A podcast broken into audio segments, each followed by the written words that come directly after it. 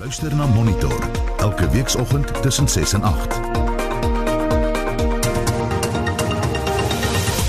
En volgens monitor ons ontleed die eerste Amerikaanse presidentsverkiesings TV-debat tussen Donald Trump en Joe Biden. Because you weren't you president. Because the you weren't 25 president years? No, screwing no, things no. up. You were a senator. And You're the way, worst you were a president America has ever Hey, had. hey, Come Joe, on. let me let me just tell you, Joe. I've done more in in 47 months. I've done more than you've done in 47 years, Joe. All right, that's the, end of the, uh, that's the end of the segment. We're, mov- money. we're moving on. There's 'n Toename in misdaad in Kaapstad se middestad en die Verenigde Nasies hou vandag beraad oor biodiversiteit ter viering van sy 75ste verjaarsdag. Onthou vorige uitsendings van Monitor is as 'n potgooi beskikbaar gaan na rsg.co.za.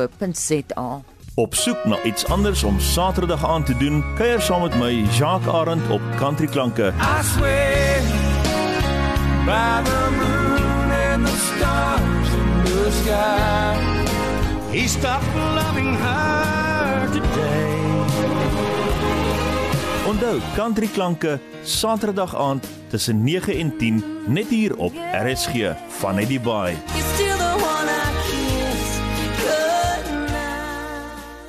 Luister na ons daaglikse COVID-19 opdatering maandag tot Vrydag kwart voor 6 aangebied deur die Nasionale Departement van Gesondheid en SAIK opvoeding in samewerking met die Solidariteitsfonds.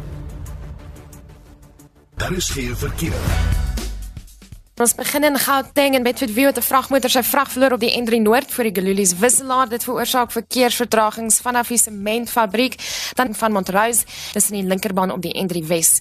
Kan verkeers nie stuur na 45889. Dit gaan jou R1.50 kos. Nou eerste woord is verkeer.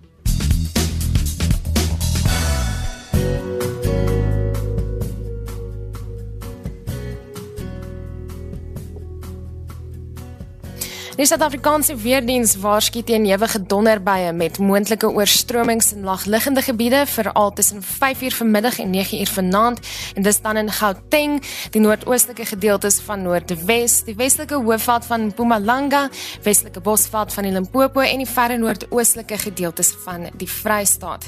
In Pretoria is dit vandag gedeeltelik bewolk met verspreide namiddagbuie en donderbuie en 'n maksimum van 25. Johannesburg is daar oggendmiskolle en 'n maksimum van 23 met namiddagbuie en donderbuie. Selfde omstandighede word in vereniging voorspel met 'n maksimum van 24. Dan in Bombela word oggendmiskolle verwag met enkele buie en donderbuie later, maksimum van 18 daar. Polokwane bewolk met enkele buie en donderbuie, maksimum van 22. In Mahikeng word mooi weer verwag, maksimum 28 en in Vryburg word dit vandag 29, Bloemfontein 25, Kimberley 31 en Appington 27. In Kaapstad is dit vandag gedeeltelik bewolk in die oggend en daar is die maksimum 17 in George verwag ons ook 'n maksimum van 17 en dan in Port Elizabeth is daar enkele buie en reën later vanaand 20 van 'n maksimum daar. Oos-London gedeeltelik bewolk, enkele buie en reën laat aand, maksimum 22. Dan gaan ons na Durban toe wat 'n maksimum van 20 kan verwag vandag. Richards Bay 20, Pietermaritzburg 21. Vir meer inligting kan jy die weerdiens se webtuiste besoek. Dis www.weathersa.co.za. Baie welkom by Monitor. Dis nou 10 oor 7. Verskoon my 10 oor 7. Veiligheidsamptenare sê daar is 'n toename in misdaad in Kaapstad se middestad. Vincent Mofokeng het die agtergrond. Die bestuurder van veiligheid en sekuriteit vir die Kaapstadse sentrum vir stadsverbeteringsdistrik, Monique Hendriks, sê hulle die toename verwag aangesien daar nou meer mense in die middestad werk as tydens vlak 4 en 5. En meer mense besoek ook die middestad vir pret en toerismebedrywighede. The City Safety and Security Department has picked up an increase in the following crime categories in the CBD since the country moved to level 1. These are fighting in public, theft out of parked motor vehicles, and common robbery. In September, the most prevalent crime was fighting in public. This stands to reason following the easing of the curfew and the lifting of some restrictions on the sale of alcohol. However, it is important to note there were only 28 incidences. We also noted that the number of common robberies has increased from 5 to 7 in September. This can also be explained as people are negligent with their belongings, especially their cell phones when they're out in town having fun and enjoying themselves. Hendricks sê dat streng voorsorgmaatreëls in plek gestel is met ongeveer 300 veiligheidsbeamptes wat om die middestad ontplooi word. They are deployed strategically where and when the need arises according to our lockdown safety and security strategy, which we review constantly. The CIT also works very closely with its primary partners and has conducted crime prevention operations almost daily with SAPS and the City of Cape Town law enforcement departments as the lockdown regulations have eased and more people have come into town. Die Metro se veiligheidsdepartement het meer as 7000 misdaadbekamping inisiatiewe in werking gestel. In the three months from June to August, CIT Safety and Security Department has made 56 arrests with the city law enforcement and carried out nearly 7,000 crime prevention initiatives. During level 5 lockdown, we focus on protecting people, property, and possessions. When the country moved to level 4, we continued our crime prevention efforts and reduced crime in the CBD in all categories by 73%. The department registered 94 crimes from 27th of March 2020 to 15th of May 2020 compared with over 340 incidents during the same period last year. Dit was Monique Hendriks, die bestuurder vir veiligheid en sekuriteit vir die Kaapstadse Sentrum vir Stadsverbetering. Vincent Mofokeng, SAGNIS. President Donald Trump en sy demokratiese party teenstander Joe Biden het gisteraan die eerste 90 minuut lange TV-debat uit 3 gehou. Vir meer hieroor in Cleveland, Ohio, en die debat is voorgesit deur Fox se Chris Wallace, praat ons nou met Theo Venter, politieke en beleidsontleder aan die Noordwes Besigheidsskool. Môre Theo. Goeiemôre. En dan ook met Dr Ina Gous van die Universiteit van die Vrystaat se Departement Politieke Studies en Regeringskunde. Môre Ina. Goeiemôre. En dan kom ons begin by jou. Wie het volgens jou die debat gewen en hoekom? O, dit was 'n besonder onaangename geleentheid om die minste te sê. Ehm um, Amerika het beslis nie gewen nie. Dit was uitputtend en onnodig aggressief en baie blootkinderagtig. Ek dink tog die enigste voordeel as daar een is, is dat die kontras tussen die twee kandidaate baie duidelik blootgestel is vir kiesers. Ehm um, jy weet uh, die manier waarop hulle die die die uh, debat weet benader het uh het baie duidelik die die verskil agtergekom. Joe Biden het goed gevaar met vrae uh, gerig oor rasisme, die groen energie in die omgewing, COVID en gesondheid. Nie so goed op ekonomie nie, maar ek kon tog 'n punt maak dat die Trump administrasie uh jy weet voorstel is om besighede en skole finansiëel te ondersteun om te sorg dat sektore veilig oopgaan en nie voor die voet oopmaak sonder om COVID gevare uh, te ignoreer. Uh, Trump het sy belastingwetgewing, die val van federale regsposisies reg oor die land en ja, selfs sy mislukte COVID beleid voorgehou as suksesse. Ehm um, hy het beweer dat die weet belasting wat hy betaal het genoeg was. Ehm um, so hoewel die meningsopname sê wat dit sê, uh dink ek nie dit was 'n baie suksesvolle geleentheid nie en uh, mense hoop dat as daar nuwe debatte is, uh die proses baie beter beheer sal word. Ons sal later bietjie daaroor praat en dan verwys nou na die meningspeilings. CNN berig nou dat die meningspeiling oor die debat is dat Joe Biden dit met 60% van die Amerikaners sê hy het dit gewen en 28% sê Trump het dit gewen. Hoe voel jy oor die debat, Theo? Ja, ek moet met Ina saamstem, dit was bietjie chaoties, ehm um, maar ek het verwag dat Trump uh, baie baie aggressief uit sy hoek sal kom soos in 'n boksgeveg en dit was amper iets soos 'n soos 'n boksgeveg.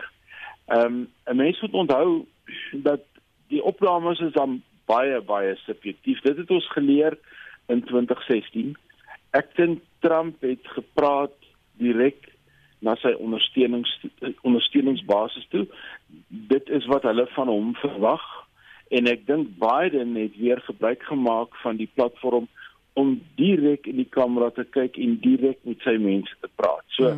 op die op die op die balans van dinge mag Biden dalk net net uh gewen het op 'n op 'n gebalanseerde gewichtige gemiddeld, maar dit is baie moeilik um, om om dit van van vandat ek hierdie debatte kyk dit is nou al oor baie jare. Was hierdie seker die ene wat die swakste was. Nou weet ek nie of dit Chris Wallace die moderator was wat nie mm. beheer gehad het nie of dit gewoon Trump was wat hom nie gesteer het aan die reëls nie, maar dit was ehm um, soos Ina sê, was nie was nie lekker om te kyk nie. Dit was vermoeiend. Mm. Ek moet sê ek het Chris Wallace op 'n stadium jammer gekry. Soos jy sê eh, Theo tereg hy het die debat gefasiliteer. Hy het dit al tevore gedoen en baie lof daarvoor gekry. Maar kom ons kyk vinnig net na die onderwerpe wat hy vir bespreking gekies het. Dit was nou die kandidaate se rekords. Daar's baie eh, verneinige persoonlike punte daar gemaak. Die Hooggeregshof, die ekonomie, geweld en gender, COVID-19 en die integriteit van die verkiesing.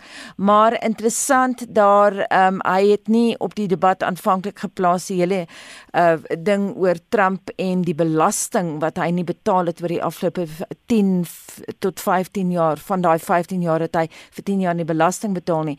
Um wat dink julle van sy keuse van gesprekspunte? Kom ons begin by jou Ina. Ek dink hy het die die kwessies aange, aangespreek of aangevoer wat op die stadium vir uh, vir Amerikaners baie belangrik is. Ehm um, wat nie spesifiek aandag gekry het nie en wat ek dink moes is spesifiek geslagsgeweld. Ehm um, veral omdat Trump onder baie groot vergrootglas is wat dit aanbetref. Ehm um, hy het die omgewing en groen ekonomie ook ingesluit wat baie goed was. Ehm um, dink ek en wat vir Trump nie samehangende antwoord vir my gehad het. Uh, Biden het ten minste 'n plan eh uh, jy weet uh, gehad daarvoor of mense saam stem of nie. Wat ook op die ou einde vir my belangrik was uh, uh, in die blootlê van die kontraste tussen die kandidaate is die hantering van die telling van stemme in die uiteindelike verkiesingsuitslag. Mm. Wat ek dink goed was dat dit 'n uh, aandag gekry het. Trump was nie bereid om te verklaar dat hy die uitslag van die verkiesing sal aanvaar en dat hy vir sy ondersteuners sal vra om kalm te bly terwyl die stemme getel word nie. Hy het steeds met geen behoorlike bewyse be, uh, beweer dat ernstige verkiesingsbedrog op die kaart is met die vroeë stemme en die posbeheerde stemme. En dit was vir Biden geen probleem om die onderneming te maak om kalm te bly en die uitslag te aanvaar. Wat op hierdie voortvloei is die onsekerheid pogings vanuit die Trump-kamp om dalk met opset aan die stemreeks prosesse te karring om Trump reg te bewys. En dit kom vanuit geleerdere van 'n oud CIA terrorisme-analis wat wil hê dat betrokke departemente en partye daarop bedag moet wees onder omstandighede. En wat ook vir my interessant is laastens uit hierdie situasie is dat daar nie pogings vanuit die Trump kamp of die administrasie is om kiesers behoorlik in te lig en op te lei aangaande die tipe verkiesing nie. Maar dat dit wel daadwerklike pogings uit die Biden kamp en interessant genoeg vanuit geleerdere van die media, CNN en NBC ensovoorts, het spesiale insetsels vir prosesse verduidelik. Ehm um, sodat mense kan verstaan hoe om te stem, veral nou met die vroeë stemme, wat hmm. vir my baie interessant is. Dio? Wel, Donald Trump is natuurlik 'n meester van hierdie van hierdie soort platforms en en dit maak eintlik nie saak wat Chris Wallace gevra het nie. Hy het in elk geval geantwoord wat hy wou. En en dan het hy sommer ten spyte van hierdie verskillende kategorieë en ek dink ons moet onthou dat die die die reëling van hierdie vier debatte, drie tussen Trump en Biden en een tussen Harris en en Pence, ehm um, is eintlik 'n 'n onderhandelde skikking tussen die media en die twee veldtogte. So ek dink baie van die temas wat aangevoer is is maar eintlik onderling ooreengekom, maar Trump moes 'n paar keer tereggewys word om te sê presies waaroor moet hy praat want hy het sommer gespring tussen onderwerpe en goed aangehaal en ehm um, Biden het hier en daar moes hy herinner word aan wat die vraag weer was want Trump se strategie was juis om um, ek wil amper sê um, met sy aggressiewe lyfstaal en met sy en met sy uh, in intervensies en inmengings om vir Biden te ontseën en en ek dink Biden het goed gehou onder omstandighede as mens weet hoe ferm en hoe sterk Trump in hierdie saak kan optree. Mm. Kom ons kyk na die kwessies wat bespreek is. 200 000 Amerikaners dood aan COVID. Biden sê Trump se prioriteit was die ekonomie en nie die gesondheid van sy landgenote nie. Trump sê Biden het gepoog om Amerika te sluit, shut down the country. Julle kommentaar daarop, Ina. Ja, as ek voorheen gesê het, ek dink die uh, een van die uh, goed wat Trump voorgehou het as 'n sukses. Ehm um, en Biden het baie duidelik gesê daar is maniere om die ekonomie op te maak wat veilig is en dat omdat daar 'n behoorlike strategie, 'n uh, federale landwyse strategie was van die begin af. Ehm um, jy weet het, het al die uh, pogings ehm um, nie geslaag nie en dat alle verantwoordelikhede op state self gelê is. en dat die administrasie veronderstel is om 'n strategie te hê om te kyk hoe hulle die uh, ekonomie kan oopmaak op 'n veilige wyse en die die die die aanslag van uh, die ekonomie wat wat wat gaan krimp vir al die klein besighede en mense wat hulle werk verloor het uh, jy weet te kan te kan te kan hanteer. En uh, Trump het volgens my nie regtig 'n goeie antwoord op gehad nie uh, soos gewoonlik nie. Ehm um, al wat hy wil hê is dat die ekonomie so gou as moontlik moet oopgaan en Biden het daarop gewys dat hy moet mooi dink wie daai voordeel trek. Is dit net uh jy weet die die van sy vriende wat staat maak op uh die aandelebeurs is dit regtig die gemiddelde Amerikaner wat uh hieruit voordeel trek en en dis juist hulle wat uh, onveilig is dan met die met die virus wat nog steeds daar is. So dit het aandag gekry en ek dink uh, weer eens was daar nie 'n behoorlike uitslag van van, van definitief Trump se kant af nie. Hmm. Uh en hoewel Biden antwoord gehad het, moet ek sê was hy nie baie sterk op op op die ekonomiese uh vrae nie. Mhm. Mm Toe? Kyk, ehm um, Bob Woodward se nuutste boek wat ek nou net klaar gelees het want hy's vars van die rakke af. Ehm um, stel hy vir Trump self aan die woord en daarin sê Trump wanneer hy uitgevind het van die virus en hoe hy dit wil hanteer het. En as 'n mens nou luister na hom ehm um, vroeg vanoggend dan is dit dieselfde refrein wat hy die hele tyd gehad het in sy perskonferensie. So sy sy perskonferensies wat hy gedurig in die Withuis hou, feitelik amper elke dag, is dieselfde storie. Ehm um, en en die storie is eenvoudig dat ehm um, hy nie ehm um, paniek wou skep nie. Ehm um, en dat hy eintlik maar die ridder op die wit perd vir vir vir Amerika was. En ehm um, Biden dink ek het 'n baie meer versigtige strategie rondom ehm um, COVID-19 gehad. Biden se strategie laat my baie herinner aan die Suid-Afrikaanse regering se strategie en dit is om om om versig om as jy wil foute maak, doen dit aan die kant van versigtigheid. Dit het natuurlik ekonomiese nadele. Maar Trump is so 'n uh, uh uh hy hy speel so die spel van ontkenning en hy speel so die spel van om sy eie planeet te skep waarop hy self funksioneer um met die soort van um ideologie wat hy wat hy volg en wat sy ondersteuners natuurlik almal ondersteun. Um dat uh dat wat my aanbetref verskriklik moeilik is om 'n sinvolle debat met hom te hou want as jy hom in 'n hoek gaan dik en hy was 'n paar keer in 'n hoek dan dan gaan hy leuns vertel om uit die hoek uit te kom of hy gaan gewoon ontken dat hy dit ooit gesê het. En nou is dit die media se werk om bietjie die feite te gaan naspeur om agter te kom wat het hy regtig gesê? En jy het nie tyd in so 'n debat om sulke goeders te doen nie en ek dink Biden was goed voorberei, maar hy kon dit ook nie behoorlik uitbuit nie. Wat hy wel gedoen het van 'n trap, hierdie stories vertel, is om eintlik hardop te begin lag, jy weet, so 'n bietjie uh, te smile, so so half uh, siniese glimlaggie. Ek kon sien dat dit ehm um, Trump se hier en daar irriteer, maar dit was nie 'n baie effektiewe metode om om vir Trump uh, te stop op sy paadjie nie. Baie moeilike debat om te fasiliteer. So ek sê ek het baie jammer gevoel vir Wallace wat baie lof gekry het tydens die 2016 verkiesing toe hy die debat hanteer het tussen Hillary Clinton en Donald Trump. Maar die vraag wat mens nou moet vra en waarna Theo vlugtig verwys het, is die nut van so 'n debat dan vir die kyker, Ina? Op tot dusver wat ek kon aflei is het 'n bitter min mense net gekry. Ehm um, dit was vir almal 'n baie ongemaklike situasie vir my lyk. Ek kan dalk beweer dat Trump se stoere ondersteuners dalk vreeslik trots was op hom ehm um, uh, die wyse waarop hy homself hanteer het.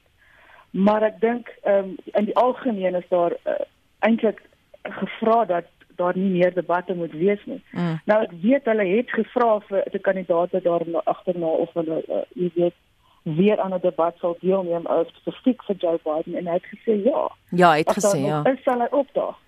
Ehm um, so mense nou sien hoe die hoe die proses gaan volg en ek dink wie ook al volgende die ehm um, die moderators gaan wees en ek dink sal dalk eerder staat maak op 'n paneel eerder as een persoon volgende. Ehm um, uh, gaan definitief moet lesse leer uit die situasie. Mm. Nee, ek wil definitief nie Wallace wees nie. Ek dink hy drink nou kalmeer tablette. Maar wat ek jou nou wil vra Theo, die Amerikaanse media het nou vanoggend se debat as chaoties en strydlus strydlustig uh, die woord combative ja. gebruik. Hulle het dit so beskryf en Ina self het gesê dit was 'n onaangename ervaring vir haar om daarna te kyk. Jy het gesê dit was nie vir jou lekker om daarna te kyk nie. Dink jy die patroon is nou gevestig wat ons van die ander debatte kan verwag as hulle gaan plaasvind Theo? Ja nee, ek dink beslis so.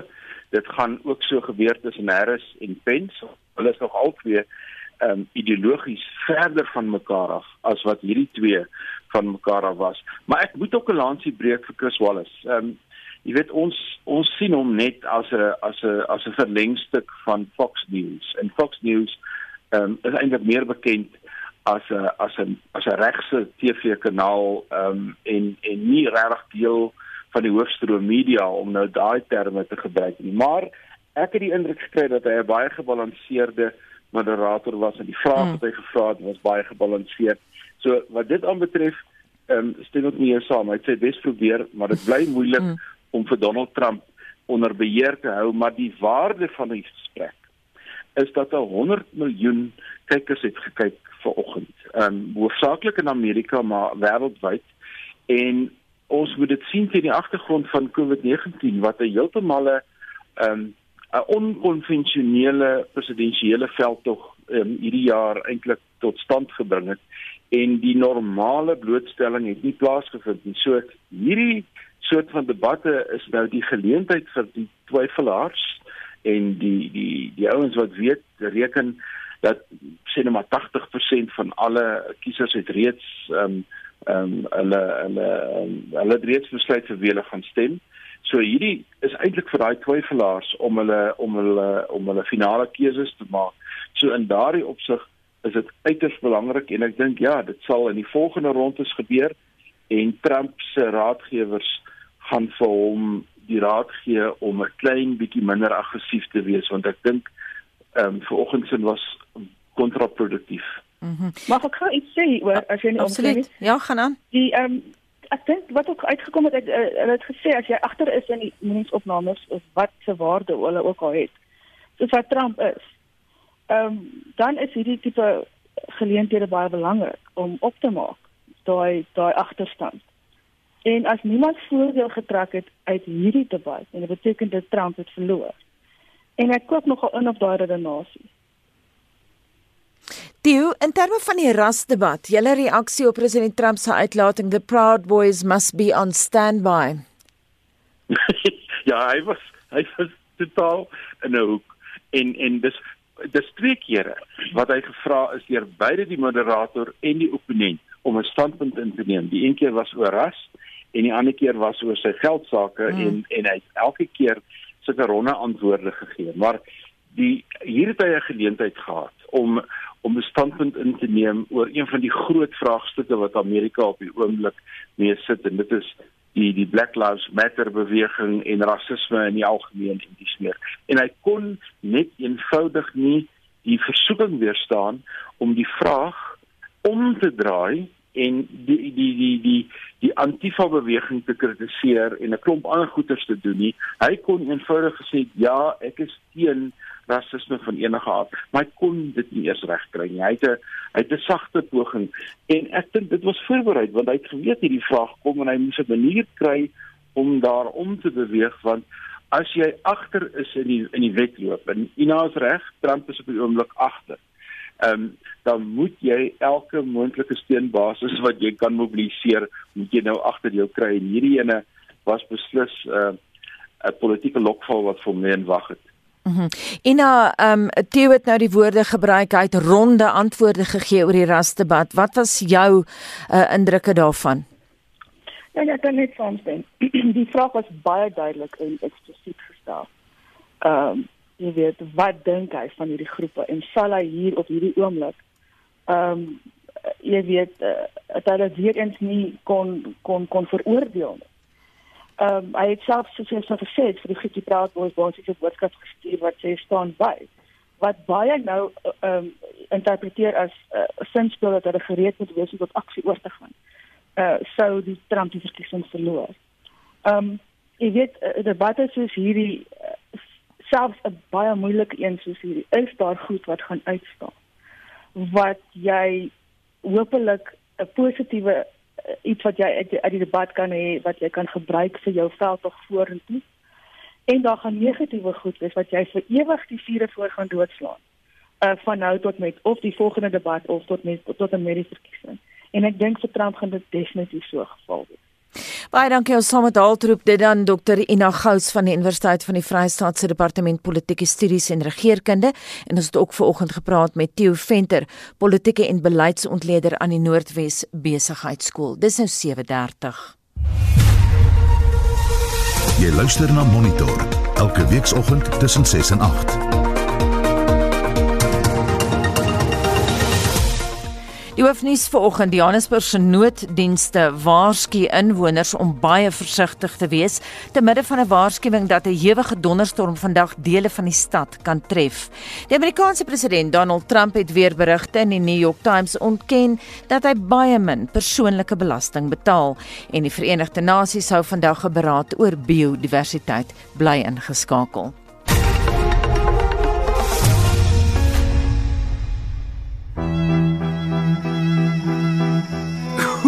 Dit gaan 'n lekker partytjie wees daar op die Boonte Klipfontein hè? Ek dink so. en jy moet solank die meisiekinders begin deurkyk by die skool. Hoekom? Want ou Boeta, as oom Henkie stry om die Engelse Konstantina eers so oor sy knie oopvou en om Hendrik Poon smeer met sy ou knopvingers oor die kitaarsnare, dan sê ek jou, dan dans die Bobbie Jan Klovers deur dagbreek toe. O, jy's 'n bok vir 'n opskop lyk like dit my. Volka se ties vasstrap of 'n lekker ou wilsie jou ranker.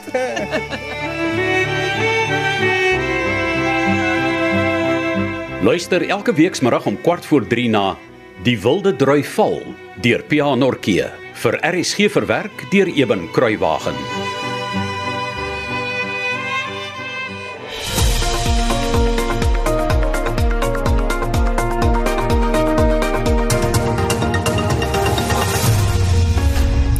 Ons het vroeër vanoggend in die program met 'n ontleder gepraat oor werksverliese en vanoggend is ons SMS vraag geskoei daarop: Hoe raak werksverliese jou? Justin, wat sê ons luisteraars? Ouma van Noordwes skryf ek is 'n 70-jarige dame en ek het my werk behou, maar kry nou R500 per maand minder. Ek is maar te dankbaar ek het nog werk. Uh, on, uh, Anonieme luisteraar skryf: My salaris is gesny met 25% sedert Junie maar die werk het nie minder geraak nie. Meeste dae is ek verplig om deur my onbetaalde verlofdae te werk. Olaf Gou skryf dit is hartseer dat soveel hardwerkende Suid-Afrikaners skielik werkloos is.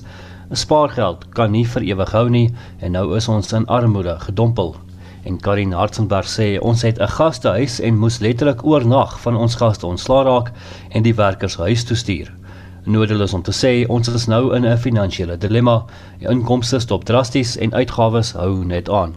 En jy kan saamgesels op ons eh, op ons SMS lyn vertel ons is jy een van die ongelukkiges wat dalk jou werk verloor het tydens die inperking en hoe het jy aangepas?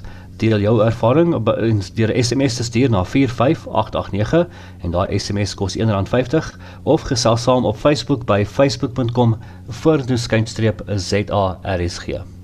Dis in 734. Die Wes-Kaap het 5 nuwe provinsiale erfenisterreine. Die hoof van kommunikasiedienste vir die Wes-Kaapse Departement van Kultuursake en Sport, Tanya Kolyn, sê hierdie terreine het geskiedkundige waardes of waarde liewer vir inwoners. In Suid-Afrika het ons in September Erfenismaand gevier en soos hierdie maand tot sy einde kom, het Erfenis Wes-Kaap die klassifikasie van 5 terreine in die provinsie as provinsiale erfenisterreine goedgekeur.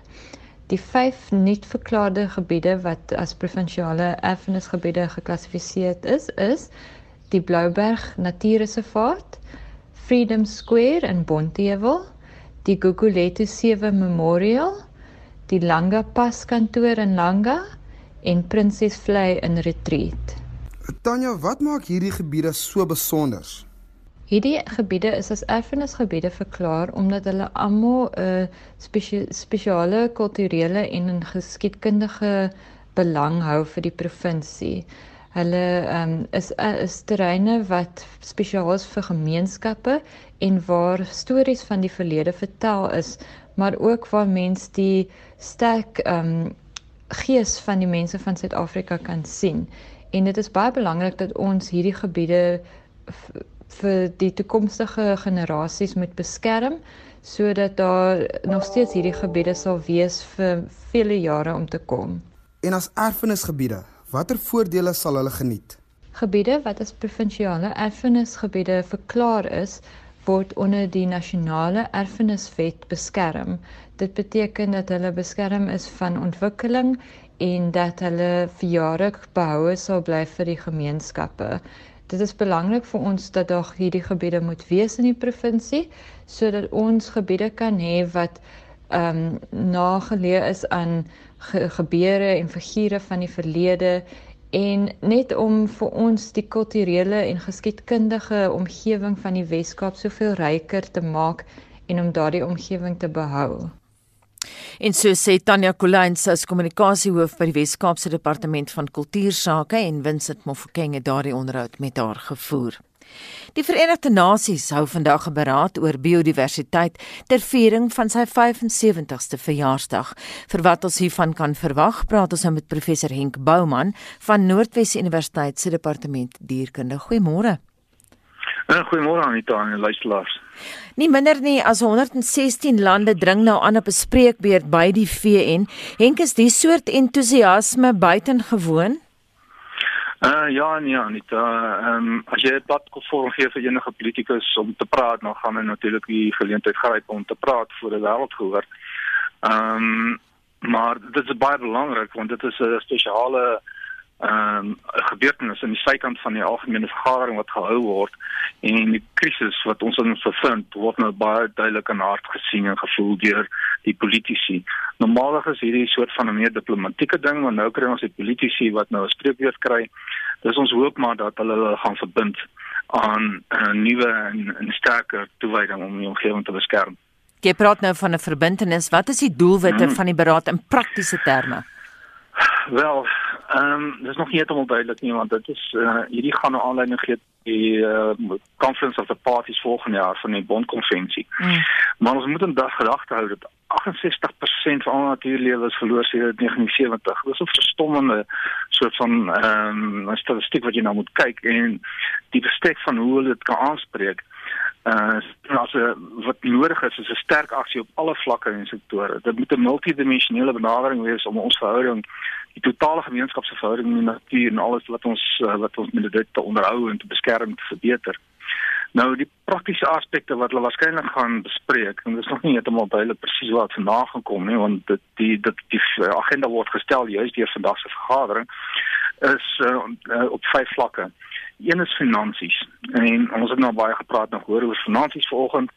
Ehm um, en daarmee saam natuurlik die politieke verbintenis wat ons ook gehoor het van Biden en Trump vanoggend. Maar die finansies is 'n enorme um, belangrike aspek in in in struikelblokkie oor. Ons moet besef dat enige finansiële um, beleggings wat ons maak in ons natuur kry ons 'n rendement van 5 keer daarop. Uh een van die aspekte wat van aanspreek moontlik is dat ehm um, die negatiewe befondsing, met ander woorde subsidies wat ge, ge, gegee word wat impak het op die omgewing, 'n negatiewe impak het op die omgewing, te gaan omdraai. Nou die teiken is onge ongeveer 30% van die wêreld se natuur te bewaar, natuurgebiede en so aan. En dit gaan 700 miljard dollar kos. Ja. Maar as ons dit ja, ek weet dit is groot, maar as ons dit sien teenoor net vir olie en steenkool subsidies van 5.3 trilljoen dollar dan kan jy sien dat dit heel wat minder veral as ons agneem dat die beleggings wat ons nou moet maak gaan wel rendemente gee terugkom. Uh daar's natuurlik heel wat uh, ekonomiese aspekte oor was uh, wie gee die geld en wie kry uiteindelik die rendemente maar dis uiteindelik die mense in die omgewing uh en ons kinders en nageslagte wat dit gaan kry. Die tweede aspek is die om, omkeer van biodiversiteitsverlies. Hulle, hulle noem dit die omkeer van biodiversiteitsverlies.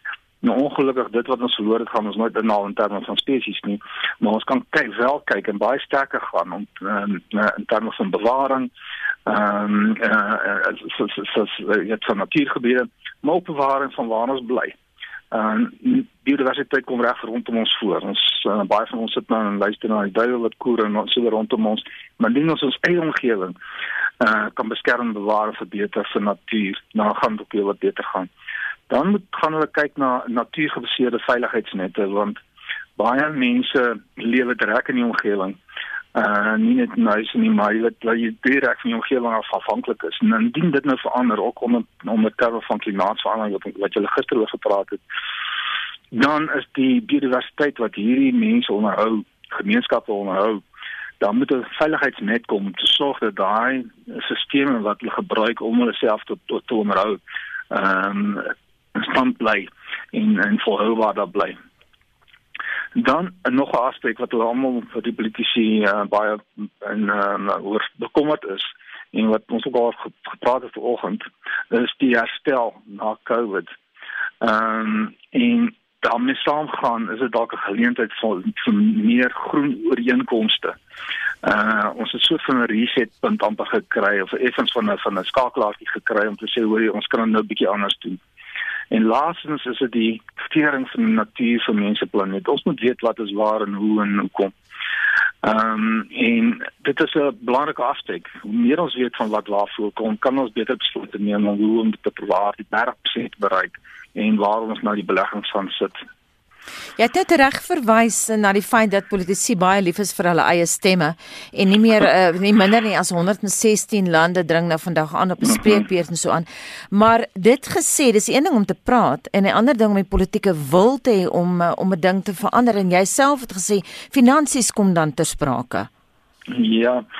Ehm um, dit dit is haalbaar. Ehm um, want ons het al voorheen reg gekry. Ons het byvoorbeeld met die persistent organic pollutants en uh, dit is daar internasionale verdrag uh, geteken on, in onderhandel dit het baie geld gekos, maar ons het 'n skoner omgewing. Ek was self betrokke geweest met hierdie uh, onderhandelinge geweest. Ek moes self deur hierdie 116 toesprake sit en luister. Ehm um, maar die verbintenis, indien daar verbintenis is, indien daar druk is op die politici om hulle te om daartoe te verbind, dan is dit moontlik. Ehm um, die daar's alternatiewe. Met ander woorde, die, die, die jy swaai die ekonomie dis nie dat jy dinge doodmaak en dit kom nooit weer terug nie. Dis jy verander dit en dit het ook vanoggend te sprake gekom met Biden. Hy het ook gesê dat jy maar daar duisende nuwe werksgeleenthede wat geskep kan word deur juis in hierdie rigting in te gaan en ek hmm. stem net om saam met hom. Kom ons gaan terug na 'n debat wat jy en ek of liewer 'n onderhoud wat jy en ek gevoer het so 3 weke gelede toe Sir David mm -hmm. Attenborough gepraat het ja. van 1 miljoen van die aarde se 8 miljoen diersoorte is aan te uitsterf. Ons het nou ook gesien dat van die politici self het nou 'n drukgroep gevorm. Ek praat nou van mm -hmm. Kanada en Brittanje se premiers Prins Charles van Brittanje en so aan ja. en die VN-sekretaris-generaal en die Europese Kommissie se adjunkpresident. Hulle het nou uh, hulle stemme gevoeg by die Campaign for Nature en uh, hulle het gesê hulle wil die doelwit bereik om 30% van die planeet teen 2030 te beskerm. Hoeveel waarde dra hierdie soort veldtogte? Wel, ons het al ons kom al dekades saam met die met hierdie teikens stel en en ehm um, elke keer faal ons om hierdie teikens te te haal. Ehm um, maar ten minste probeer ons uh, daarin te gaan. Uh, so nou dan is daar 'n bietjie van 'n skeptisisme daaroor en so nou dan is daar van desperaatheid daaroor. As jy luister na David Attenborough toe hy hom gevra het, is daar nog hoop? Mm. Ek het ek het hom jammer gekry want hy sê daar so uiteindelik moet hy sê hoor as daar nog gespaartjie hoop is, is daar nog hoop. Ehm um, en dis juist uh, die probleem wat ons het is ons is so vuisvoos geslaan deur jy en ek en ander wat praat oor oor die probleme in die omgewing. Ehm um, en dit hou net aan. Ehm um, maar ek het hoop in die jeug. Ek het hoop in die inspirasie wat hy wat Attenborough en ander uh, soos wat jy genoem het vir ons gegee het. Die natuurkrisis word nou 'n werklikheid en begin die politici nou hard byt en dit kon jy vanoggend ook voel met met met die twee ehm um, meneer aan die ander kant van die oseaan. Ehm um, daar is daar is goed wat ons kan doen. Jy weet ehm um, goed wat sterker is en wat die politiek moet ondersteun. En dis inkorporering van biodiversiteit vir volhoubare ontwikkeling. Dis 'n beter en meer intense gebruik van rigtinggewende wetenskap en tegnologie. Ons kan beter innoveer. Uh, ons moet seker maak dat alle gemeenskappe meer 'n gelyke verdeling van voordele kry uit biodiversiteit daar's kapasiteitsbou en dis waar universiteite inkom en ek probeer my deel bydra daarso. En daar's natuurlik finansies en vennootskappe. Ek dink daar's iets wat ons nog vergeet en dit is kultuur en kuns en daai tipe goed want Uh, daar's soveel druk op wetenskap en jy kan dit sien aan die ander kant van die oseaan veral van Trump se kant af voor die skeptisisme wat hy probeer skep oor uh wetenskap en 'n heel klomp ander aspekte maar ek dink daar's 'n baie sterk nodigheid van kultuur en kuns en so aan om ook hulle bydrae te lewer. En ons kry dit gelukkig van heel wat uh, van die celebrities en uh, persoonlikhede Baie dankie dit aan professor Henk Bouman van Noordwes Universiteit se departement dierkunde terug na internasionale nuus. En in die FSA is die eerste verkiesingsdebat tussen Donald Trump en Joe Biden beskryf as chaoties en strydlustig. Die gesprek het hoofsaaklik gefokus op ras, die hantering van die COVID-19 pandemie en moddergooi Marlenae. Moranita en die debatmoderator Chris Wallace het plek plek nie daarin geslaag om die twee kandidaate uitmekaar se hare te hou nie. I'm not here to call out his lies. Everybody knows he's a liar. But you I just agree, want to make sure. Joe, you're the I, liar. I, I, I want to make sure. Graduated last in your class, not first in your I- class. you should go out and vote. In voting now, vote and let your senators know how you strongly you feel. court? Let vote now. gonna pack the Make court? sure you, in fact, let people know He doesn't wanna you're a the senator. I'm not going to answer the question Why because wouldn't you answer that because question? the You wanna question put a is lot of the new question Supreme is Court justice, the radical question- left. Will you shut is your, up, man? Listen, who is on your list, Joe? This Who's is on your so list? right. Gentlemen, This is- I think this we've is ended so this. He's going to pack the court. We have He's en- no, not no. going to give a list. We have ended this segment. We're going to move on to the second segment. That was really a pro- productive segment, wasn't it? Trump is boonop gevra om wit heerskappy te veroordeel wat hy gebruik het as 'n geleentheid om teen sogenaamde linkses uit te vaar. What do you want to call him? Give me a name. Give me a White name. Supremacists and right- like me to condemn? white Proud supremacists and right Proud militia. Boys, stand back and stand by. But I'll tell you what. I'll tell you what. Somebody's got to do something about Antifa and the left because this is not a right wing problem. his This own is a left FBI wing. director This said is a left wing problem. white Go ahead, sir. supremacists. An idea, not an organization. Oh, you got it. not kidding. militia. That's what Oh, his it's an idea. FBI, his Okay. FBI director. Gentlemen. Die venter 'n politieke ontleder en beleidsontleder aan die Noordwes Universiteit het vroeër in die program onder meer sy mening gedeel oor Trump se reaksie op die Black Lives Matter beweging. Hier het hy 'n geleentheid gehad om 'n standpunt in te neem oor een van die groot vraagstukke wat Amerika op die oomblik mee sit en dit is die Black Lives Matter beweging en rasisme in die algemeen en dis meer. En hy kon net eenvoudig nie die versoeking weerstaan om die vraag om te draai en die die Antifa beweging te kritiseer en 'n klomp ander goeters te doen nie. Hy kon eenvoudig gesê ja, ek is teen rasisme van enige aard. Nou hy en Dr Ina Gous van die Universiteit van die Vrystaat se Departement Politieke Studies en Regeringskunde het die verkiesing albei vroeër afgemaak as 'n vermorsing. Twee TV-debatte word nog gehou voor die verkiesing in November. En dan verskuif ons die fokus na die grens tussen Armenië en Azerbeidjan en uh, Armenië beskuldig Turkye nou daarvan dat hy een van sy vegvliegtuie afgeskiet het. Ja, Azerbaijan geniet Turkye se ondersteuning in die toenemende konfliksituasie oor die Nagorno-streek. Turkye ontken egter Armenië se aantuigings. Minstens 100 mense, insluitend landsburgers, is sedert Maandag dood in die konflik. Nou joernaliste op die Armeense grens is verder getref deur mortierdoppe tydens 'n aanval op 'n grensdorp in Azerbaijan. Die joernaliste is ongeskend, maar twee burgers is dood. Die VN vra intussen vir 'n onmiddellike skietstilstand terwyl Amerika, Rusland en ander lande reeds 'n beroep op vrede gedoen het uit vrees vir grootskaalse oorlog in die gebied. Die lande weier egter om samesprekings om vrede te hou solank as wat gevegte aanhou. En dit was Marlenae met vanoggend se wêreld nuusoorseig. Terug in Suid-Afrika, die politieke beweging Action SA sê hy gaan appeleer teen die verkiesingskommissie se verwerping van sy registrasie as politieke party. Die kommissie het die versoek tot registrasie vroeër die maand op grond van 'n oënskynlike ooreenkoms met 'n ander politieke party geweier. Die gebruik van die Suid-Afrikaanse vlag in die party se logo is ook afgekeur. Die nasionale voorsitter van Action SA, Michael Beaumont, het aan die SAIK bevestig dat die aansoek wel misluk het. We believe the IEC has been incorrect in their application of the law. The legislation also allows for an internal appeals process, which we have already initiated, because we believe that the IEC has not been consistent in the manner in which they have applied the legislation. We're going to be launching our appeal in the coming days, and the essence of that appeal is that the IEC in the past has allowed a political party like the AIC to register despite far greater and striking similarities to the African National Congress. And in this instance, they are denying our application, saying similarities to a political party that we do not believe the similarities rise to the level of confusing voters. And more importantly, this political party that they are saying that we are similar to has never contested an election. Die president van Action SA, Herman Mashaba, het in 'n verklaring gesê die kenmerke op die logo verskil genoeg van die Party of Action POA, 'n party wat slegs geregistreer het, maar nog nooit aan 'n verkiesing deelgeneem het nie. Hy voeg by dat die party POA sy naam verander het na Party of Action SA op sosiale platforms 'n dag nadat Action SA geloods is. Hierbenewens meld Mashaba dat die verkiesingskommissie glad nie beswaar aangeteken het toe die African Independent Congress AIC aansoek gedoen het om registrasie nie. AIC sê Mashaba het baie meer ooreenkomste met die ANC se logo.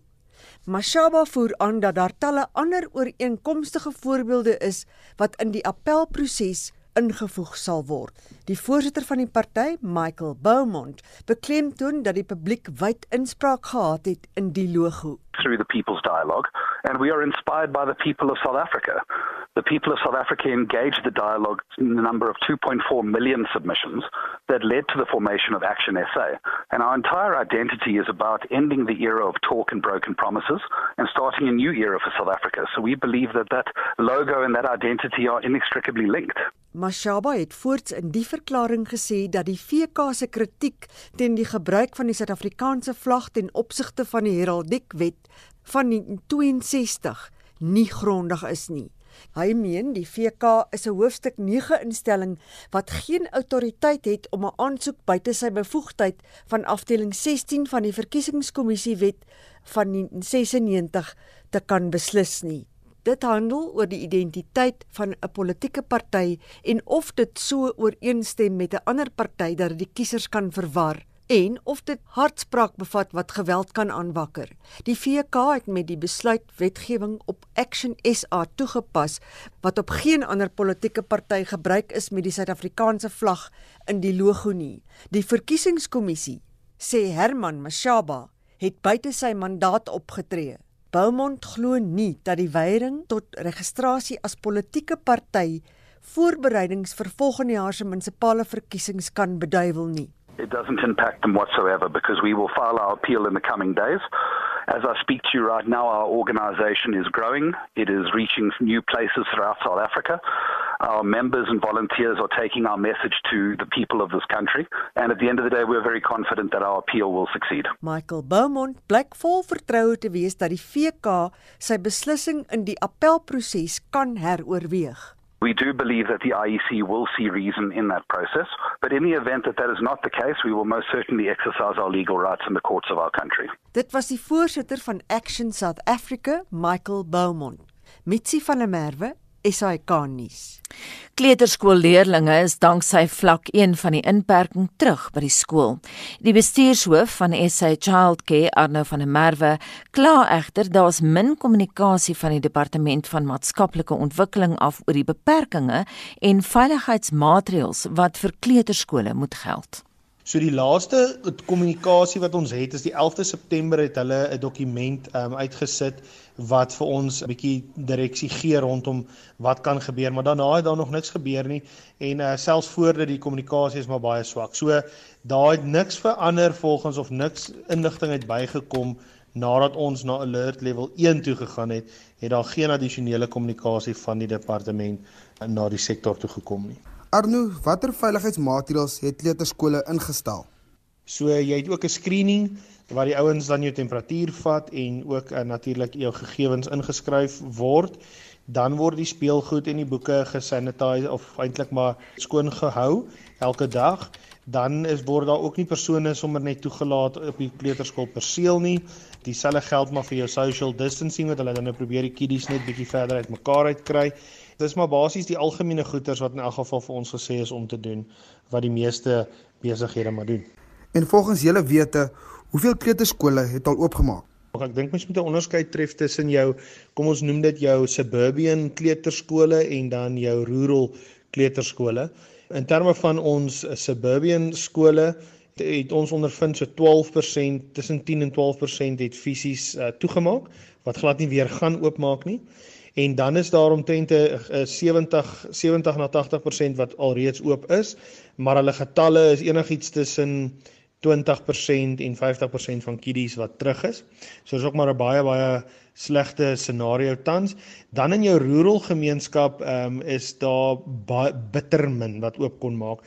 Ek sou vermoed enigiets tussen 5 en 10% wat maar kon oopmaak wat die gevolg is tussen ten minste 90% van die skole kan nie oopmaak nie en dit gaan suiwer oor die feit dat hulle nie subsidies gekry het nie, so hulle het nie fond befondsing nie.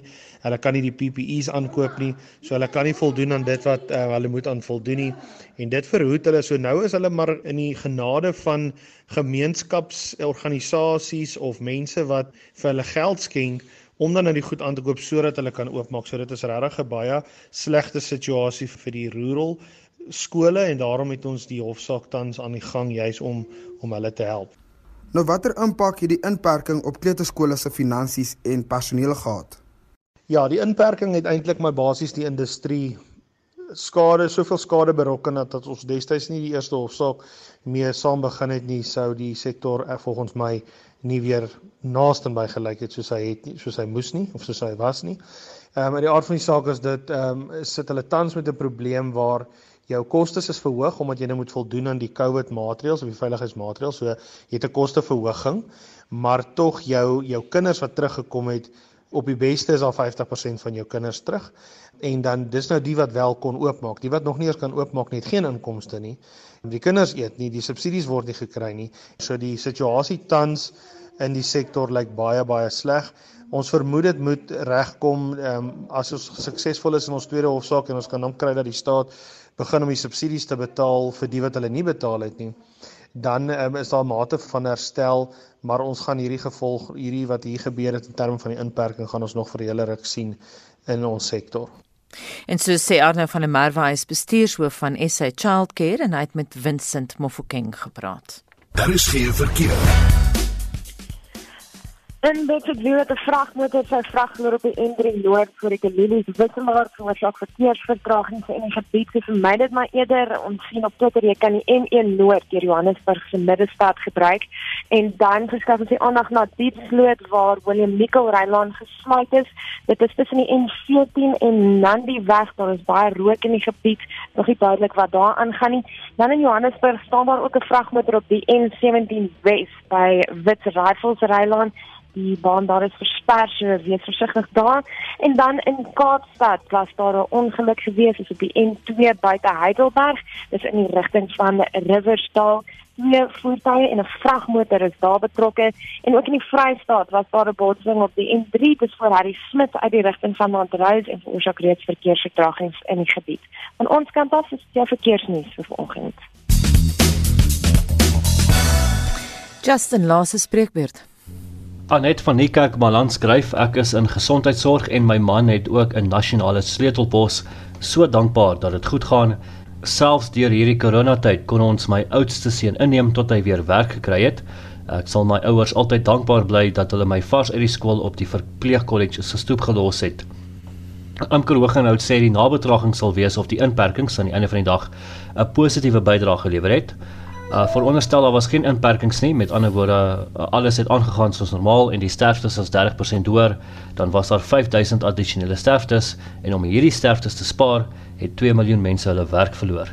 En laastens uh sê Janetta my seun werk in vereniging by paneelkoppers en werk ook net elke tweede dag. Hy vorige maand 10 dae salaris gekry. Hoe betaal jy alles vir daai? Dankie aan almal wat hulle stories gedeel het en vir die saamgesels vanoggend. Nou onthou vorige uitsendings van Monitor Spectrum naweek aktueel kommentaar en fin fokus is op RC se webblad. As 'n potgooi beskikbaar gaan na www.rc.co.za en daarmee groet ons namens ons waarnemende uitvoerende regisseur Hendrik Martin. Die redakteur vir oggend was Jean Estreisen. Ons produksieregisseur Lewona Bekes en my naam is Anita Visser